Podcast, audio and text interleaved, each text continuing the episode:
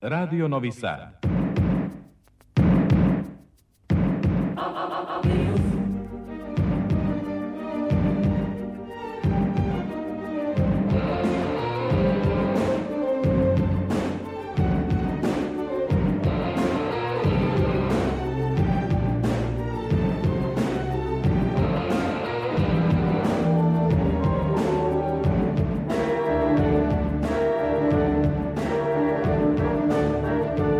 Spektar.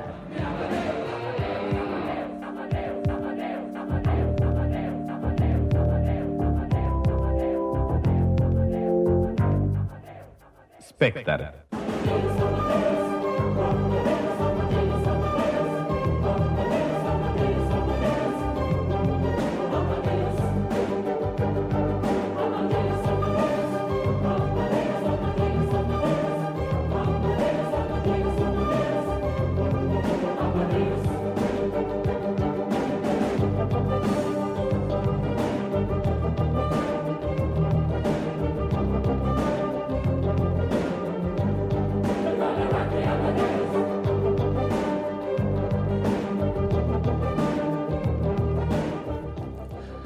Dragi slušaoci, dobroveče. Ja sam Ivana Maletin Ćorilić, a vi slušate Spektar. Nezahvalno je u atmosferi opšte zabrinutosti i straha koja vlada u poslednje vreme zbog zločina i nasilja koji svakodnevno pune novinske stupce govoriti o kulturi, ali nam ostaje nada da umetnost može da pruži utočište i ponudi odgovore na neka od gorućih pitanja. U duhu toga i večerašnji magazin za kulturu Radio Novog Sada posvetit ćemo aktualnim novosadskim pozorišnim igrama, odnosno pozorištu za decu, koje nas uči nekim važnim životnim lekcijama i vrednostima. O misiji i sudbini pozorišta i umetnika u kriznim vremenima progovara i drama Ljubomira Simovića, putujuće pozorište Šopalović, koja je premjerno izvedena na mađarskom jeziku u Novosadskom pozorištu. U Spektru ćemo vam predstaviti deo programa predstojeće manifestacije Muzej za 10 i potruditi se da uz naše sagovornike smisleno provedete narednih sad i 15 minuta.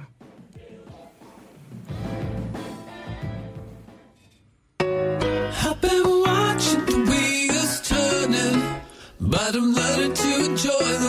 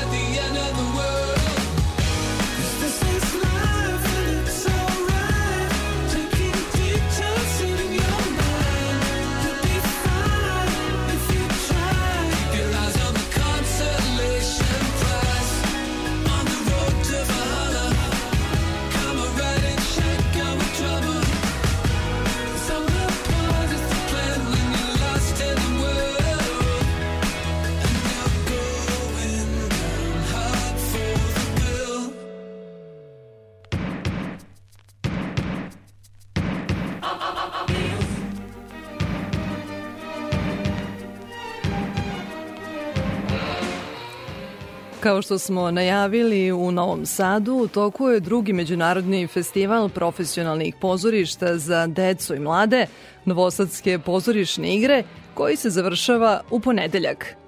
Po izboru selektora i direktora festivala Mihajla Nestorovića, u takmičarskoj konkurenciji je 12 evropskih predstava za decu i mlade. Festival je otvoren premijerom Koraline u režiji Jakuba Maksimova. Nastala po noveli Nila Gejmena, prati priču radoznale devojčice koja u dosadi otkriva paralelni univerzum. Iako je namenjena deci, predstava se bavi mnogim životnim pitanjima na način prilagođen njihovom uzrastu. Ko je zapravo Koralina, čućete od glumice Kristine Savkov u razgovoru sa Anom Čupić. Ko je zapravo Koralina? Koralina je devojčica kao i svaka druga, u tom svom nekom periodu, ne znamo tačno, ali pretpostavljali smo, u stvari to smo uzeli kao okolnost za onima 10-11 godina, na primer. Znači, nije više ni dete, drma je pubertet, to su sad neke borbe razne unutarnje, svime je nezadovoljno oko sebe. I onim što ima i onim što nema. I roditeljima i preseljenjem. Nekako sve oko nje ništa, iz njene perspektive ništa i nje ne ide na ruku i sve protiv nje a kroz predstavu zapravo suočavajući se sa svojim strahovima i sa, u potrazi za, za, za svojim identitetom, kako bih rekla, iskustveno spoznaje da onakav život kakav ona ima, da je to pravi život i da je to jedini mogući život za nju i da je zbog toga najbolje. Da bismo malo približili našim slušalcima, ja ću sada otkriti jedan deo, to je da ona ode u, u, u paralelni jel, svet koji se ne pokaže kao najbolja jel, i odluka za ostanak i nastavak e, života. Da li je ovo, e, vi kao glumica, smatrate tim edukativnim delom u, u ovoj predstavi?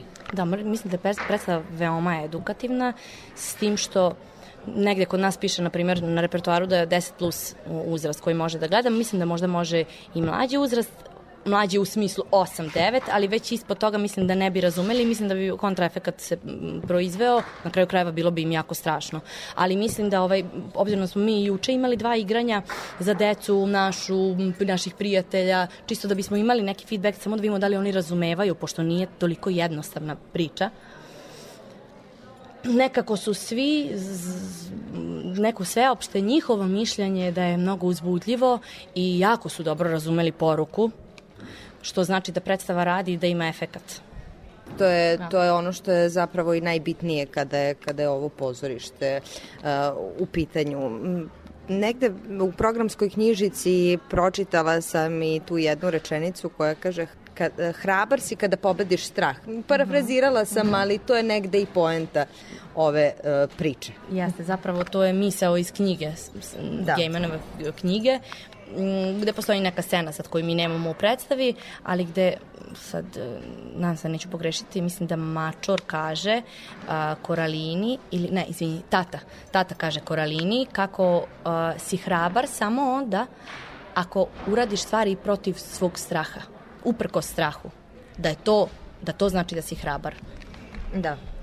A ja sad moram da, da vas pitam koliko je e, teško napraviti lutkarsku predstavu, koliko je ona i fizički e, zahtevna, a koliko se razlikuje od recimo rad na ovakvoj predstavi od recimo rada na večernjoj predstavi.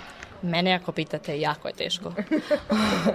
Izuzetno je teško, zahteva nekako posebnu vrstu koncentracije koja isključuje apsolutno tebe kao individualca, gde sva nekako pažnja i sve ono što ja kao glumica posjedujem treba da usmerim u lutku, a sebe potpuno da poništim i da sam samo ja u stvari tu funkcija neka.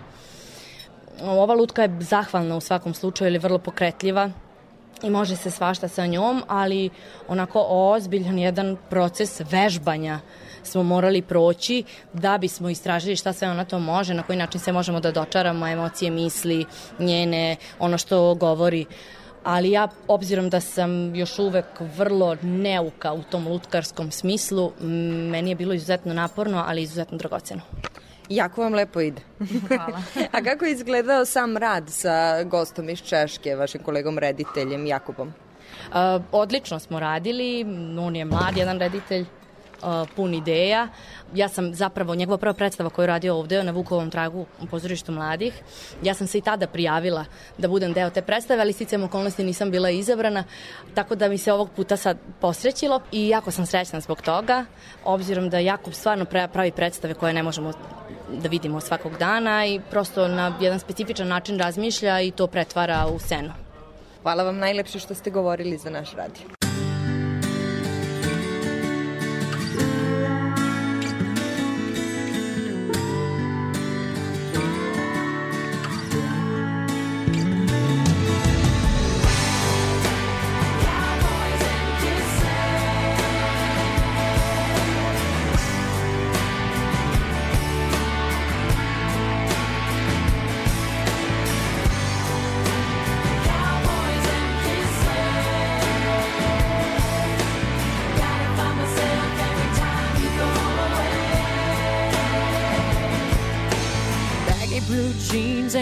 Magazines is all I have of you.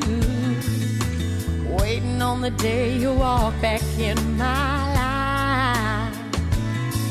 Like a newborn child, you made me smile, then stole my heart away. We may be out of touch, but never out of time. Come back to me, boy.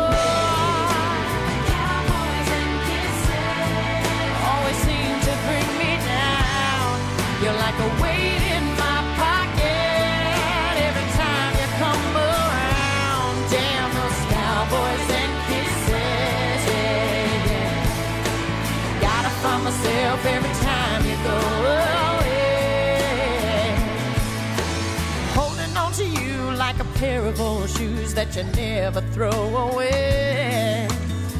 Every road still leads me back to you. Your little white lies and butterflies made me shed a tear.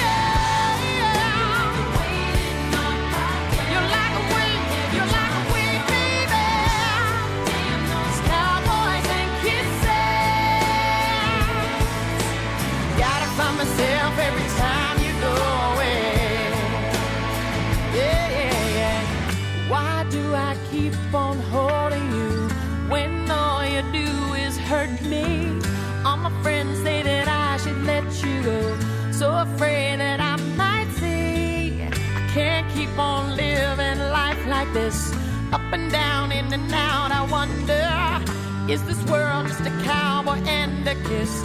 Or should I choose another?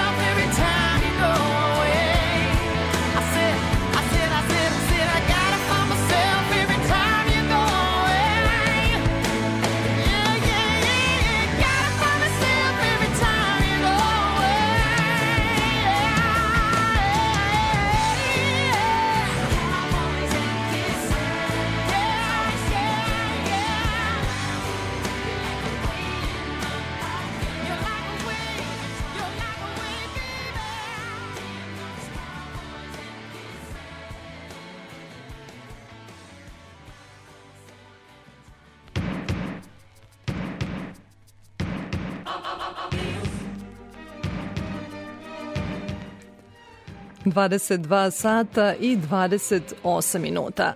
U Spektru nastavljamo priču o novosadskim pozorišnim igrama koje se održavaju u pozorištu mladih. U konkurenciji za nagrade ove godine je i Slovenačko narodno pozorište Celje sa predstavom Koza na sudu u Višnjoj gori. Tradicionalna bajka postavljena je u modernoj scenografiji i kostimima. Slapstick komedijom i brehtovskim fau efektima glumci su izmamili na festivalu pažnju i smeh dece. O paralelnom svetu zvanom Dečje pozorište sa glumcem Urbanom Kuntarićem razgovarala je Ana Čupić. Bajke su čudesne, bajke su ono što nam treba i bajke su forme u kojima možemo kozu optužiti, možemo videti kupus koji govori i peva, možemo uživati u nekim nadrealnim stvarima koje nas oporavljaju od, od života. Tako je. Da, mislim, to je tradicionalna bajka, to se mi svi učimo već u školi i zato smo to predstavo mi e, odigrali više od 80 puta. Mi s- premijeru smo imali 21. godine, a nije to, mislim, ono što je bitno. Bitno je to da osim toga da je, da je to predstava za djecu, jako se sviđa odrasli publici, jer je duhovita i za djecu u ovaj nekom tradicionalnom um, slapstick komediji, pa je i pametna uh, u nekim stvarima, u nekih arhetipih, nekih stereotipih kojih vidimo svaki dan i tu su samo karakterizirane da su to još uh, mislim, još više gluposti se prave ovde na odru, ali mislim isto je to je kao život. Vrlo jednostavno je to uh, priča koji se, um, uh, koji se događa na sudu uz jednog seljaka koji, je, koji ima kozu i jednog čoveka koji sudi ovog seljaka jer je ta koza gledala njegov ku- kupus. I, I onda se sve dešava oko toga jer je ona je, je koza jedla ili nije jedla ili samo gledala ili nije gledala i onda uh, je spas toga jedna glupa, glupa uh, rešenica, kako je to rešitev, kako, kako se tem, tomu kaže, uh, spas, uh, onaj, uh, sudbina. Veoma je edukativna, zapravo uči decu da pored uh, svih prava za koje danas znaju da imaju, da. postoje i neke obaveze i odgovornosti. To je, to je point, uh, mislim da svake predstave za djece, da je edukativna, mislim da vidimo nešto kao, a da, tako i treba da se ponašamo u životu ali kroz neke metafore i to mislim da u tebi predstavi je vrlo dobro učinjeno. A kako se vi osjećate kada igrate predstave za decu? I šta vam je ovde najzanimljivije? Mislim, meni je kad smo, napravili, kad smo pravili ovo predstavu, ja, ja volim ovaj žanr, znači slapstick komediju, pa on, mislim, e, kad se tučemo na odru, pa sve to, to je meni toliko zabavno, jer, jer sam obožavao sam kad sam bio klinac Tom and Jerry, pa i ovo, ne. Um, ali uh, ovo predstavo je divno, divno je igrati, jer je to što ste kazali, uh, vrlo je, uh, ima puno boja na odru, uh, kostumi su fenomenalni, uh, režija je bila, mislim, Luka Marcen je režirao i to je bilo toliko je, smo se zabavali i mislim da se to i kaže na sceni i to mi je zapravo jedna najljubših predstava kojih igram, pa možda smo joj i zato odigrali 80 i više puta. Čestitam. Hvala. I hvala vam što ste govorili za naš radio.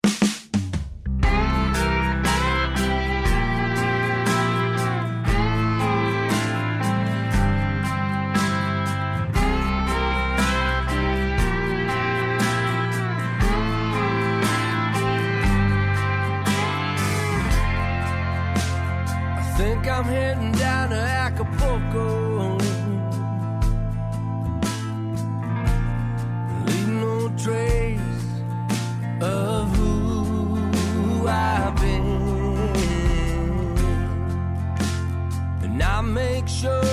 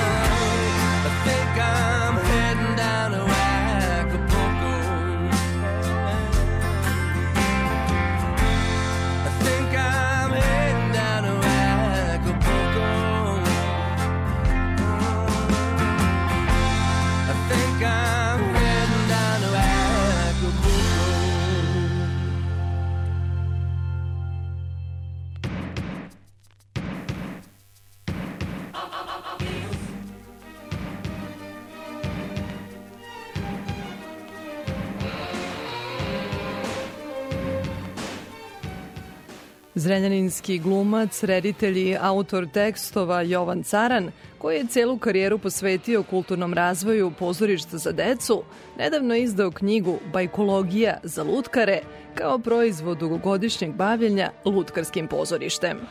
Caran igra u gotovo svim predstavama Narodnog pozorišta Toše Jovanović u Zrenjaninu na lutkarskoj sceni. Dobitnik je više od 30 nagrada na festivalima za glumu, dizajn lutaka, scenografiju, režiju i lutkarski tekst. Do sada je režirao oko 50 predstava, a većinu upravo u Zrenjaninu.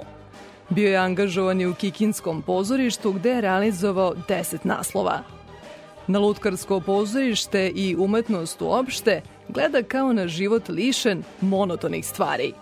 U svojoj knjizi objašnjava da je materni jezik lutkarstva metafora i da su bajke osnov dečijeg teatra. Povodom toga sa Jovanom Caranom razgovarala je Ana Čupić. Šta za vas predstavlja lutkarstvo i lutkarsko pozorište? Pa, to je ono iz, iz ove grupe pitanja šta je umetnost. Lutkarstvo je jedan vid blagorodne umetnosti koje po meni pomaže e, mladoj publici da, da odraste. Naravno, to po- povlači za sobom i različite vrste odgovornosti koje mogu da budu i e, grešne, a i pozitivne. U pozitivne smatram da, da treba razvijati e, kritičko mišljenje, e, način na koji e, se može izboriti kroz e, različite probleme od onog sada moderno vršnjačko naselje do e, problema u, u pubertetu.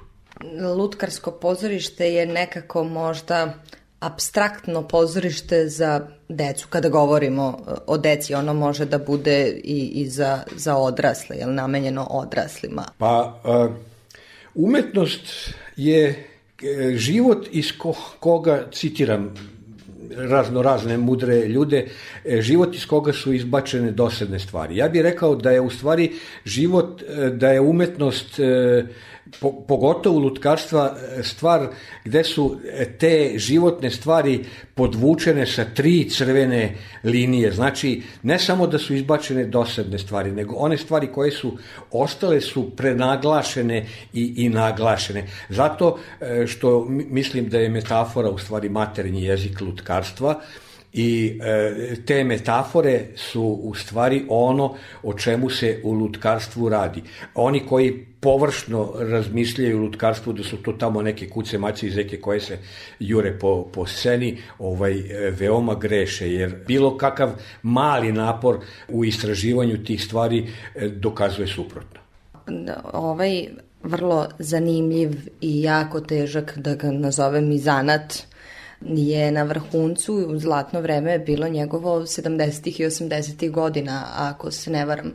Koliko se ono razlikuje danas od onoga što je tada bio? Pa, ajde da kažemo da su to e, najbolje godine onoga što je počelo sa takozvanom obnovom i izgradnjom e, po, posle ratne Jugoslavije, gde su određeni tačno e, ljudi odabrani koji su recimo e, voleli e, ili imali znanja o tome, dobili zadatak da razviju filmsku industriju, dobili zadatak da razviju e, pozorišnu industriju. Mi smo imali sreće da tu bude Šandor Hartig, koji je kao učitelj zavoleo lutkarstvo i postoji legenda da je on peške išao u Ljubljanu da nauči ovaj ne nešto od tog zanata i uspeo je da jednu zgradu koja je mislim da je bila neki oficirski dom ili ne, nešto tamo, zgrada više nažalost ne postoji, ovaj, e, uspeo da prilagodi i da ubedi opštinare da se osnuje lutkarsko pozorište.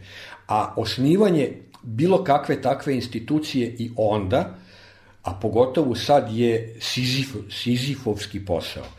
E, s tim da, da je on umeo da, da to, to uradi. A drugi deo ili nastavak ovog pitanja je to da su onda postojali ti takozvani sizovi ili nešto gde, gde je veliki deo, u stvari nama značajan deo viška sredstava dodeljivan i tako da mi o, o, u to vreme se nije mnogo brinulo o produkciji o novcu. Samo, samo su ovi kazali e, imate 360 predstava u gradu, 70 po Banatu i van, van opštine dodatno ćemo da vam plaćamo. Tako da mi onda nismo imali problema sa finansijama. Što se mene tiče, pravo je čudo da ovo i ovako još uvek postoji.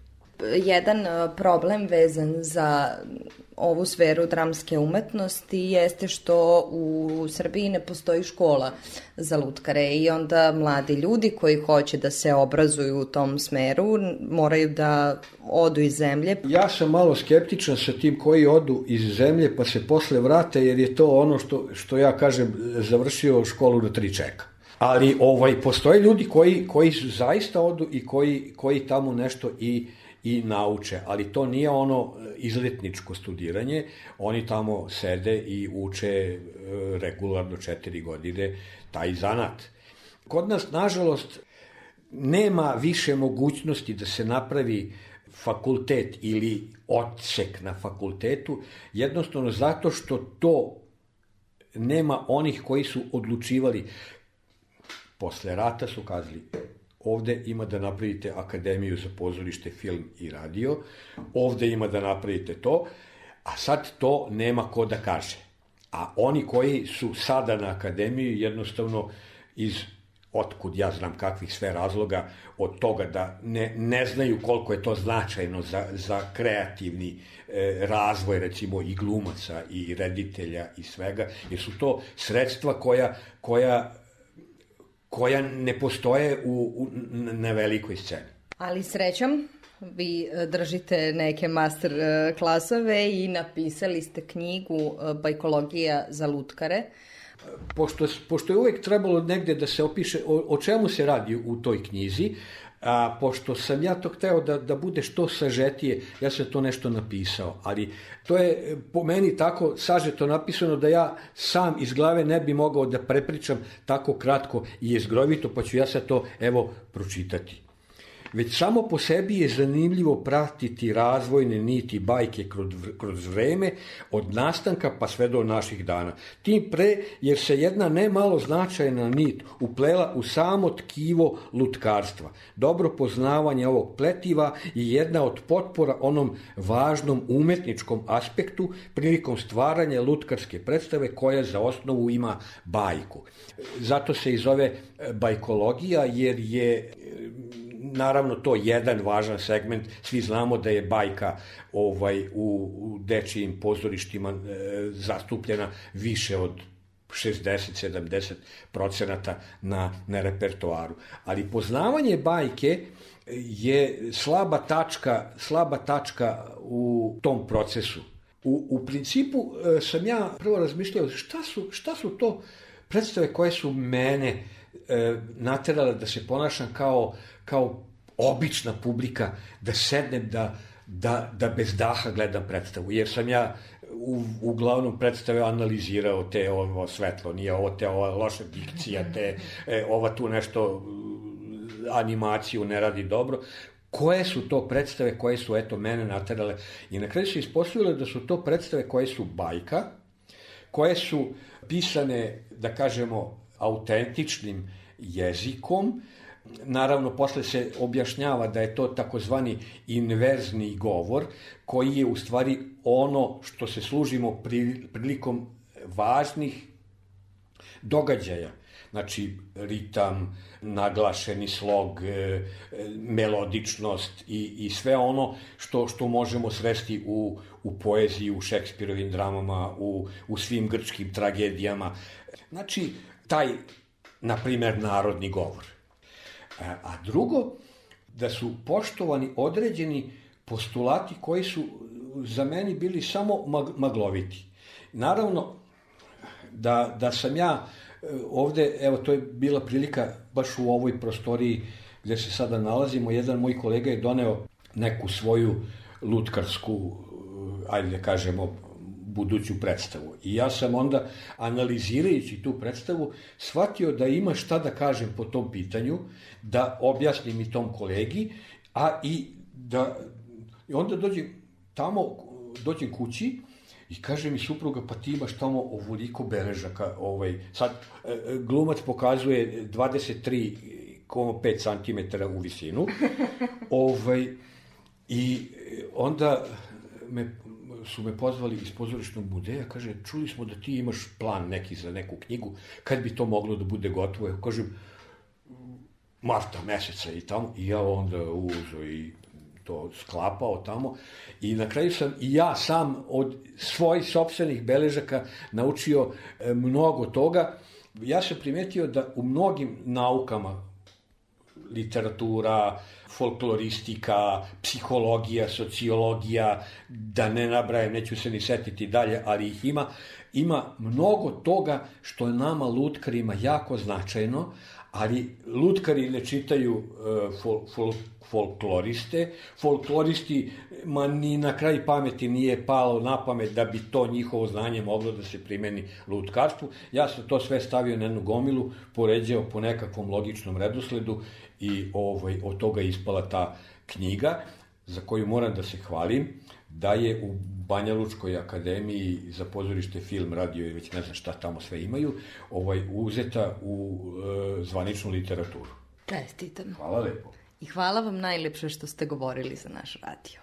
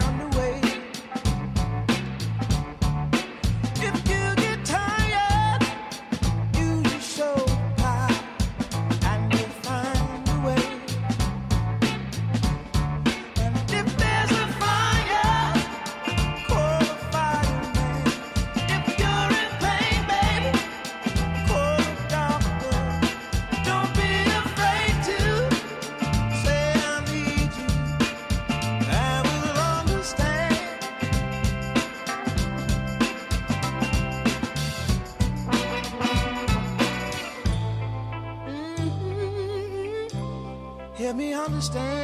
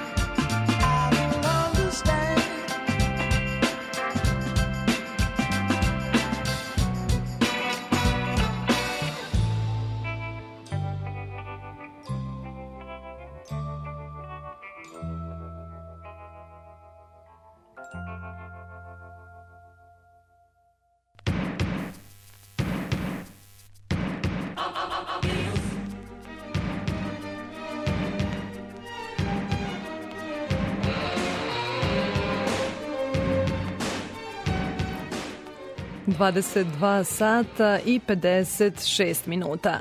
Slušate Spektar. Večerašnji magazin za kulturu Radio Novog Sada u znaku je pozorišta. Jedno od najistaknutijih dela srpske dramske literature 20. veka, drama Ljubomira Simovića Putujuće pozorište Šopalović, premijerno je izvedena na mađarskom jeziku na sceni Novosadskog pozorišta – Predstavu je režirala Margareta Tamboroši, a osim članova ansambla, u njoj igraju studenti završne godine Novosadske akademije umetnosti. To je ujedno bila i prva pozorišna premijera u Novom Sadu nakon stravičnih događaja i dana žalosti u našoj zemlji. U svetlu toga, nakon premijere o misiji i sudbini pozorišta u teškim vremenima, razgovarali smo sa glavnim glumcem Aronom Balažom. Da li se u doba velike krize prvo ukida umetnost i obračunava sa umetnicima? Da, zašto? Dobro pitanje. Pa, ne, ne znam, ja to stvarno ne mogu da shvatim. Da li, mislim, u tom smislu i Šekspir kaže uvek trebamo držati ogledalo e, prema nama i, i prema društvu, znači, ali, ali to, je, to je funkcija pozorišta. Sad ne znam da li te mere, e, sankcijske mere, da li, da li je to zbog e, zbog neke uplašenosti da će pozorište onda, možda ukazati na neke greške ili ne, ali to je od uvek bilo tako i ja mislim da je to normalno. Gde je uopšte granica između pozorišta i života i ta pozorišna zavesa? Kako deli svet? Centralno pitanje predstave. Pa jeste centralno pitanje e, predstave, ali ipak ja mislim da svaki, svaki pozorišni komad nekako uvek vuče korenja iz, iz života, iz nekih e, priča ili izmišljenih ili stvarnih i ta zavesa ta, ta zdrava zavesa, ja mislim, uvek će postojati i treba da postoji i ta konvencija kad gledalac dođe u pozorište i prihvati to da se šta se dešava gore i makar za trenutak da zaboravi da je u pozorištu. Ali uvek smo tamo, je to u podsvesti, da, da znamo da smo u pozorištu, ali to je lepa stvar kad možemo to zaboraviti malo. Ne? na, na tren, trenutak, dva. Koliko puta ste se vi osjećali kao Vasilije Šupalović? Jeste li mogli da se poistovetite i sa ovim fazama kroz koje on prolazi umetničkim i životnim? Da, da, ova situacija, mislim, nije baš slična, ali kao Salašvarsko pozorište, što i dan danas ima, ali to je, to je slično ovakvom putujućem pozorištu i, i onda čovek se uvek e, sretne sa svakakvim likovima i ljudima e, pozitivnog punjenja i negativnog punjenja, mislim, s kim se susrećemo u tom smislu e, u publici ili u privatnom životu, ali to je, ja mislim, uvek bilo normalno i ako pogledamo tamo negde na početku, e, uvek su se složili s tim da se nešto igra ili e, nije im se svidelo, ali mislim to je uvek preživljavanje u tom smislu. Treba preživeti nekako. Premijera se događa u jednom delikatnom trenutku kada se svi suočavamo sa ovim stravičnim tragedijama i preispitujemo da li smo kao društvo negde zakazali, da li postoji naša odgovornost, da li tu pozorište, odnosno umetnost, može da pruži neki odgovor ili utočište? Ja mislim da može, mada uvek mislim da uvek se okrećemo prema našim najbližima u ovakvim situacijama, ali ipak je pozorište jedno, jedna stvar koja uči i, i, i, i nudi nešto okrepljujuće možda ili barem se nadam da, da može pružiti, pružiti nešto okrepljujuće za dušu, za, za, za život. Hvala najljepše. Hvala vama.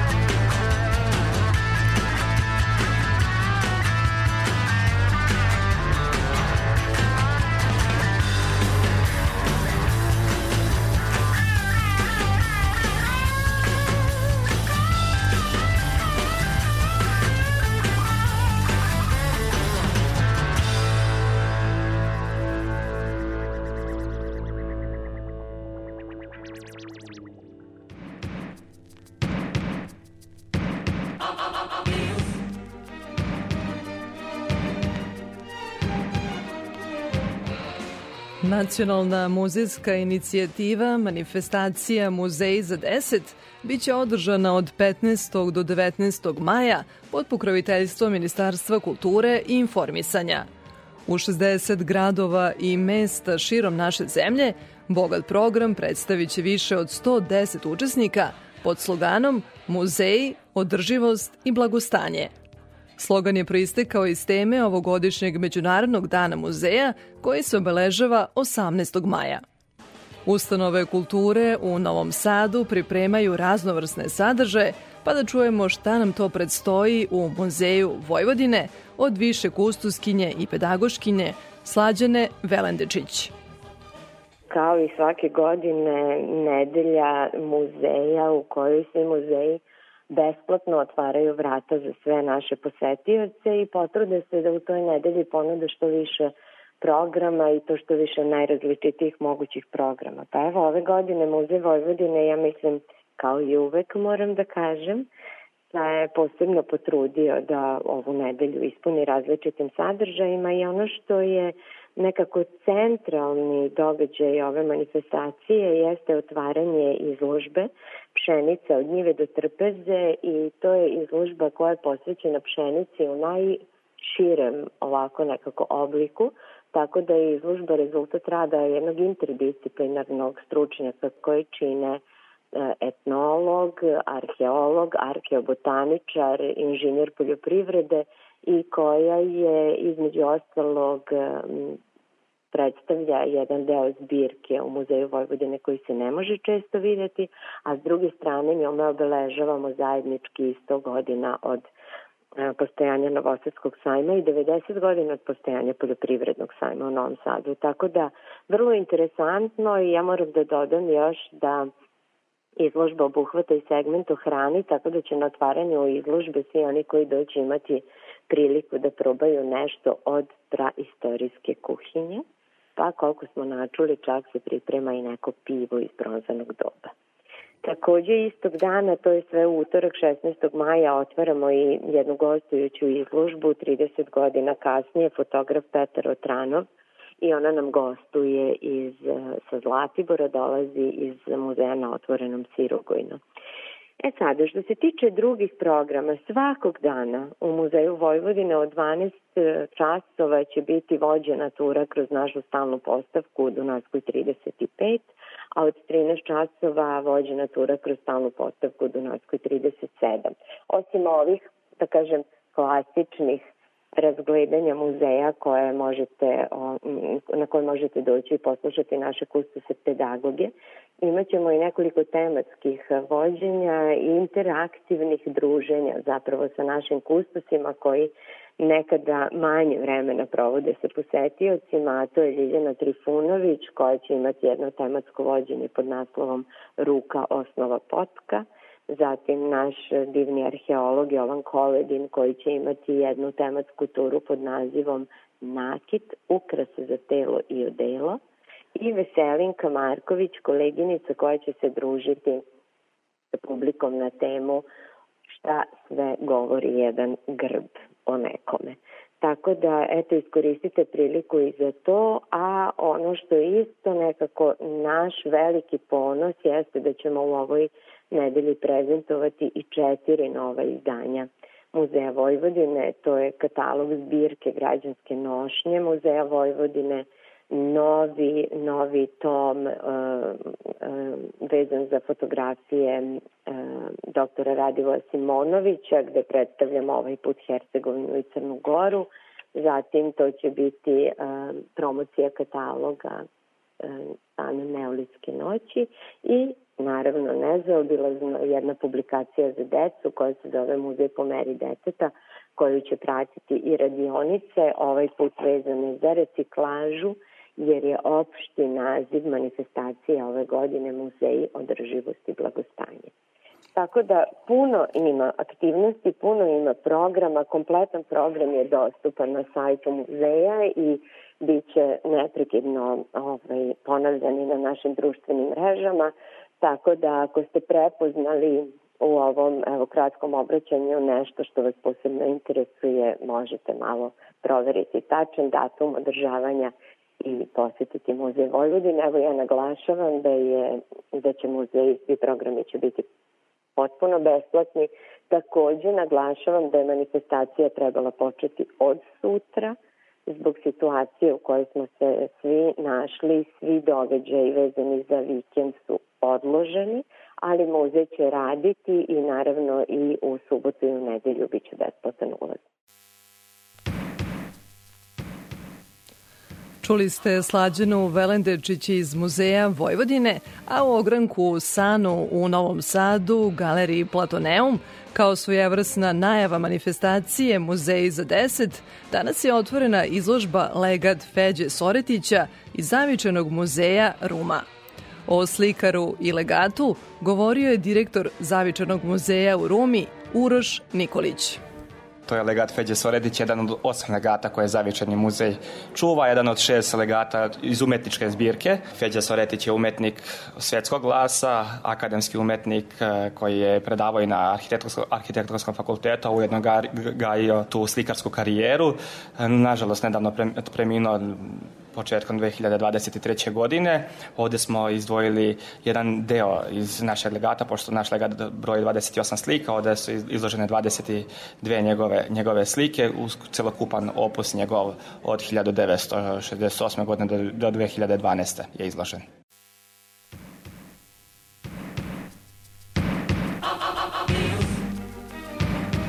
Izložba će trajati do 19. maja.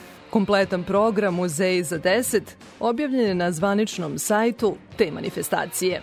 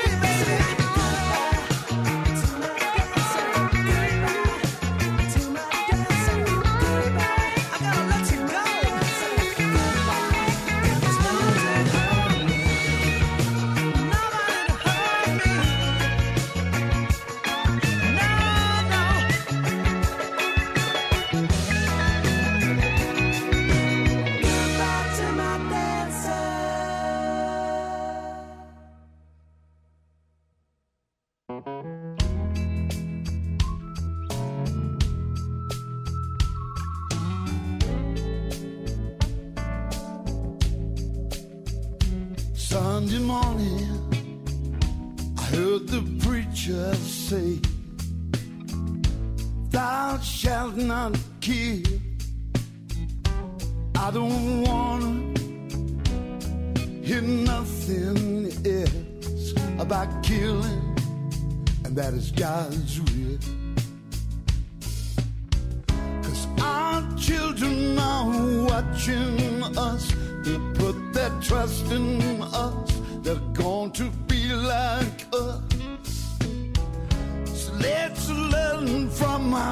history and do it differently. Oh, baby, fun more love, more joy and laughter. We'll have more than you'll ever need. We'll have more happy ever after.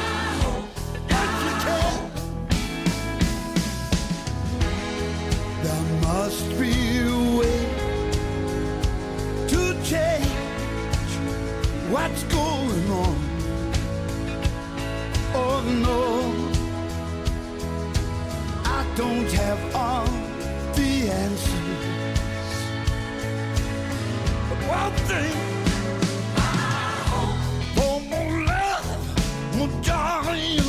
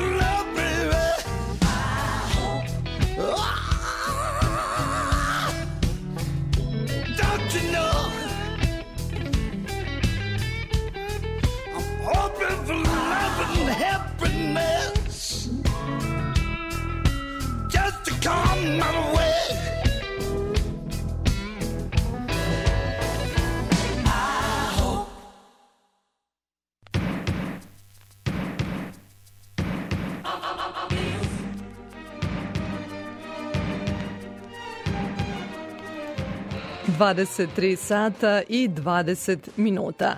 Stižemo do poslednje priče u Spektru, magazinu za kulturu radio Novog Sada. U Novosadskoj galeriji Belart otvorena je izložba zaobilazne strategije koja će trajati do kraja meseca.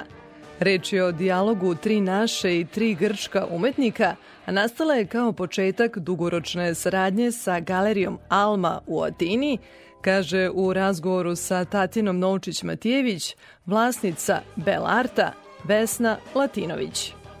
O ideji, o, o spajanju umetnika, o, o njihovom dijalogu, komunikaciji, odakle krenulo, jer vidimo čime, kako je realizovano. Da, da. Pa da, radi se o jednoj izložbi dijaloškog tipa, što jeste neki specifikum Galerije Belard, pre svega kroz dunavske dijaloge, ali evo sada i malo šire iz jedne a, mediteranske zemlje sa kojom nismo davno imali prilike da sarađujemo i da vidimo a, savremenu scenu. A, nastale kao rezultat saradnje Galerije Alma iz Atine i Belard Galerije, a naši susreti su redovni organizovani svake godine na sajmu umetnosti u Budimpešti. Tako da opet negde na Dunavu neki, neki dijalog koji se evo sada u jednom sa svim neobičnom obliku javlja. Gosti su nam tri grčka umetnika. To su Konstantinios Spacijos, Halid Krisines i Andreas Visures koji su uspostavili svojevrsan dijalog sa našim umetnicama Irenom Kovač, Monikom Sigeti i Majom Erdeljanin. Autor koncepta je atinski novinar, producent i književnik Stefanos Cicopoulos se zove, malo je teško s ovim grčkim imenima, puno naših prijatelja je došlo. Dakle, on je inspirisan jednim umetničkim projektom iz 1970. godine, kada su Peter Schmidt, slikar, i Brian Eddy, muzičar, napravili jednu crnu kutiju u kojoj su postavili 115 ručno izrađenih kartica. Oni su nešto metodologija poput onih kolačića sudbine kod Kineza. A njihov cilj je bio da umetnicima, pre svega kao kreativcima, ali i njihovoj publici ponude neke moguće rešenja za dileme za, za, o koji su ih okupirali. Vrlo su neobični napisi, ti saveti na, na ove karticama, na primer, učinite nemoguće ili okrenite na opačke, koristite staru ideju, ukrašavajte, ukrašavajte, verujte u sebe. To su samo neke od tih 115, ali očigledno su trebali da predstavlju jedan kreativni podsticaj. Pa eto, to je, dakle, polazna bila ideja ovog naše kolege, iz, iz Atine, Stefanosa Cicopoulosa, A ovde smo, dakle, koleginica Alma, Marija, iz, iz Alma galerije, Marija Alpani i ja napravile izbor umetnika. I šta smo dobili? Dobili smo jednu zanimljivu postavku Dakle, ovi izloženi radovi korespondiraju jedan sa drugim, ali se po mnogo čemu i razlikuju. Na pr upravo sam to htela da primetim. Na prvi pogled reklo bi se da ovih šestoro umetnika izašlo iz jedne umetničke škole. Eto vidite, to je zanimljivo. A inače se radi o različitim generacijama, radi se o kombinovanim tehnikama, dakle postupak je sličan, polazna ideja je različita, inspiracija je ili neki prizor iz, iz svakodnevice ili prosto neka asocijacija na događaj, važan događaj iz prošlosti.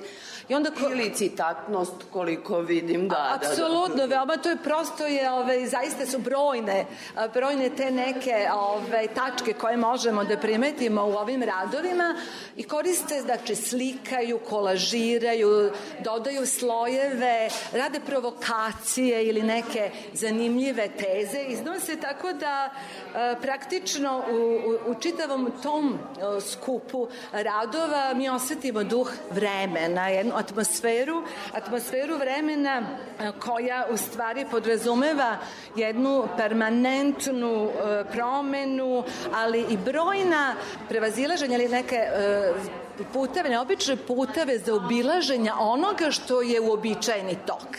I otud zaobilazne strategije. Otud da se te zaobila, taj koncept zaobilaznih strategija svejedno uklapa, a ono što mi posebno čini zadovoljstvo je da su se umetnici u ličnom kontaktu, oni se naravno do sada nikada nisu sreli, mislim srpski i, i grčki umetnici, ali su ovaj, zaista našli puno zajedničkih tema i mislim da je to druženje ovde i razmena umetničkih ideja u Novom Sadu veoma važno i blagotvorno za njih i evo, uh, ovo je prva izložba koju priređujemo, a da naši posetioci mogu do kraja meseca da vide u galeriji Belard, a u toku juna, jula meseca, pardon, tačnije 28. juna se otvara izložba u Atini gde će se slična postavka istih ovih umetnika uh, ponuditi atinskoj publici.